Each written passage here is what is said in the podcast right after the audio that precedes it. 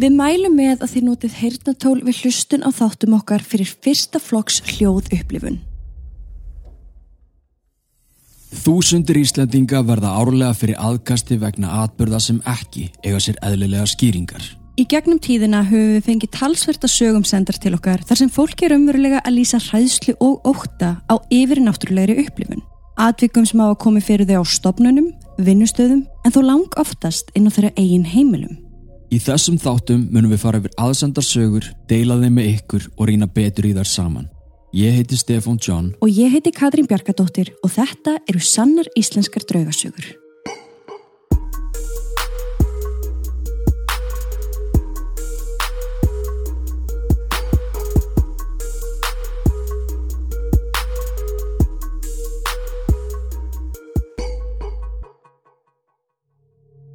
Við viljum minna á að þessir þættir eru alls ekki við hæfi barna.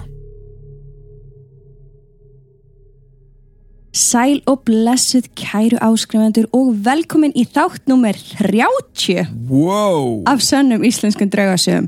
Eins og alltaf þá óskum við eftir að fá að heyra þína sögu, endilega skrifa hana niður og senda okkur hana á sannar.draugasögur.com Þátturinn í dag er virkilega skemmtilegur og vonandi fræðandi leiðinni. Við ætlum að segja ykkur tíu draugasögur sem koma frá fjórum aðlum. Við munum fara út um víðanvöll, heimsækja sveit og sjós og ég held að sé ekki eftir neina bíða Katrín. Nei. Vindum okkur í sögur dagsins. Saga 1. Kirkjugarðurinn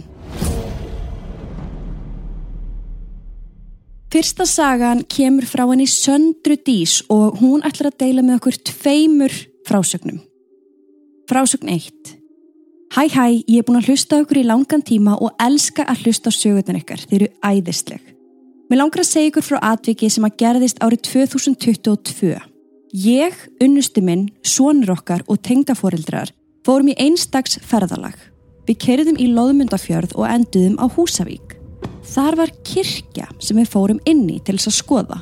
En þegar ég geng svo út og lappa með fram brúnum klettunum, þá skellur skyndilega á mig þessi mikla sorg og reyði. Ég byrja að tárast en veit þó að þetta voru ekki mínar eigin tilfinningar. Ég ákveð þá að koma mér í burtu og gengi átt að bílnum. Planið var að hingra inn í honum eftir hinum en áður en ég næja að opna bílhurðina þá kemur unnustu minn að mér og spyr hvort það sé ekki alltaf lægi með mig. Ég segja hann þá frá þessum sterku tilfinningum sem ég hafði fundið við klettana en þá segir hann mér að akkurat þar sem ég hafði verið að lappa þar hafi eitt sem verið kirkjugarður sem að sjórin var nú búin að taka hluta af og þá skildi ég og fannst ekkert allt og skrítið að ég hafi fundið þessar tilfinningar svona stert. Takk fyrir að deila þessu atviki með okkur. Það er alls ekki skrítið að finna fyrir sterkum tilfinningum þegar maður gengur í gegnum kirkjugarða.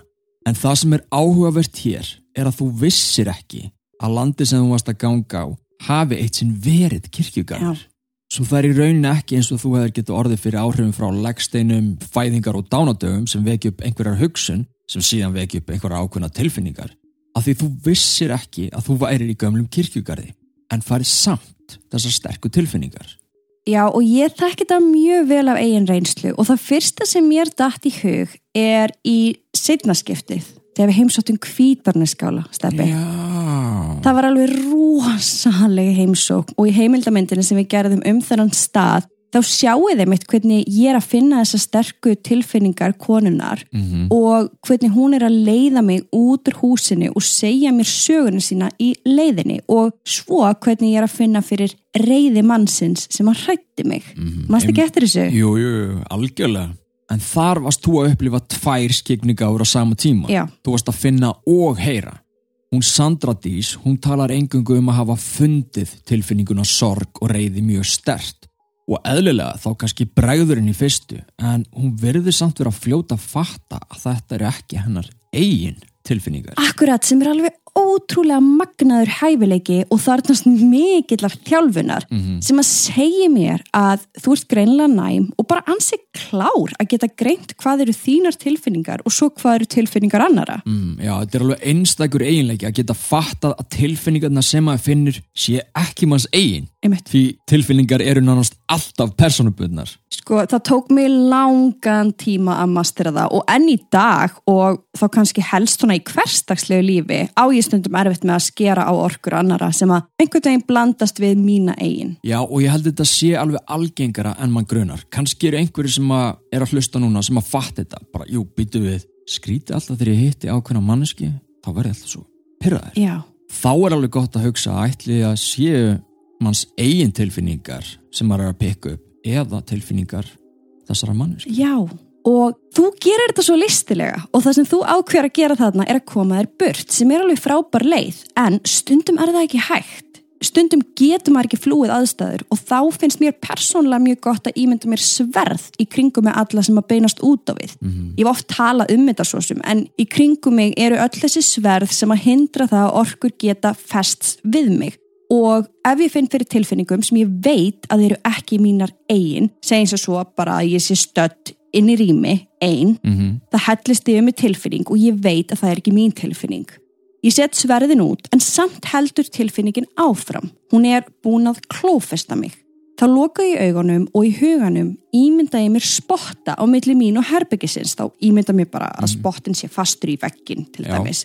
Síðan tek ég upp sverð og ég sker á þennan spotta og losa mig þannig frá orku rýmisins. -hmm. Þetta er líka ekkert að gera við manneskjur þegar maður er búin að umgangast mannesku sem hefur ákveðin áhrif á mann. Þá er gott eftir að heimsóknin er lokið að gera þetta. Já. Skera á spottan sem að myndaðist þarna á milli ykkar og þannig sleppur taki. Þetta krefst þjálfunar en því oftar sem þið gerir þetta því auðveldra verður það. Já, og það var til dæmis magna að sjá hvernig þú til dæmis breytist í Sally House rannsóknum. Já, Þeir sem eru áskrifundur að drauga sem podcast muni kannski eftir mymbandinu þar sem Katrín er að hágráta, alveg ónýtt. Hún var að finna vanlígan sjúklings sem hafði verið kvalinn aðna inn í húsinu þegar það var sjúkrastofnun. En síðan, bara hálfri mínútu þegar þú ákvast að skera á bandið, þá tókstu bara 360 beigju. Hættir að gráta varst alveg eðlilega í samræði. Ég man vel eftir þessu og viti, þetta er ótrúlega skegningáa sem getur nýst manni mjög vel í rannsóknum. Ég nota hana mikið af því ég vil vita, ég vil finna það sem andarnir vilja að ég finni en auðvitað tekur það á. Eins og þegar ég fann sorgina frá þessum aðila í selihúsinu, ég meina hún held tók líkama minn algjörlega Já. en það er svo mikilvægt að kunna að skera á spottan til þess að þetta hafi ekki of mikil áhrif á mann. Einmitt, þetta er ákveðin færni sem þarf að vinna með og gera aftur og aftur. Fyrstu 24 þættirnir af sönnum íslenskum draugasögum eru frýr á öllum helstu hlaðvarpsveitum. Þættir 25-39 eru aðgengilegir á Spotify áskrift. 14 þættir, ein greiðsla, ekkert vesen. Skrifaðu sannar íslenska draugasögur áskrift í leitargluggan á Spotify. Smelt á lásin við hvaða þátt sem er og síðan á Get Access og þú ert komin inn. Setjum hlekk til að gera þetta enn auðveldara hér í show notes. Það er ekki eftir neina að býða. Þú verður að vita hvernig þátturinn endar.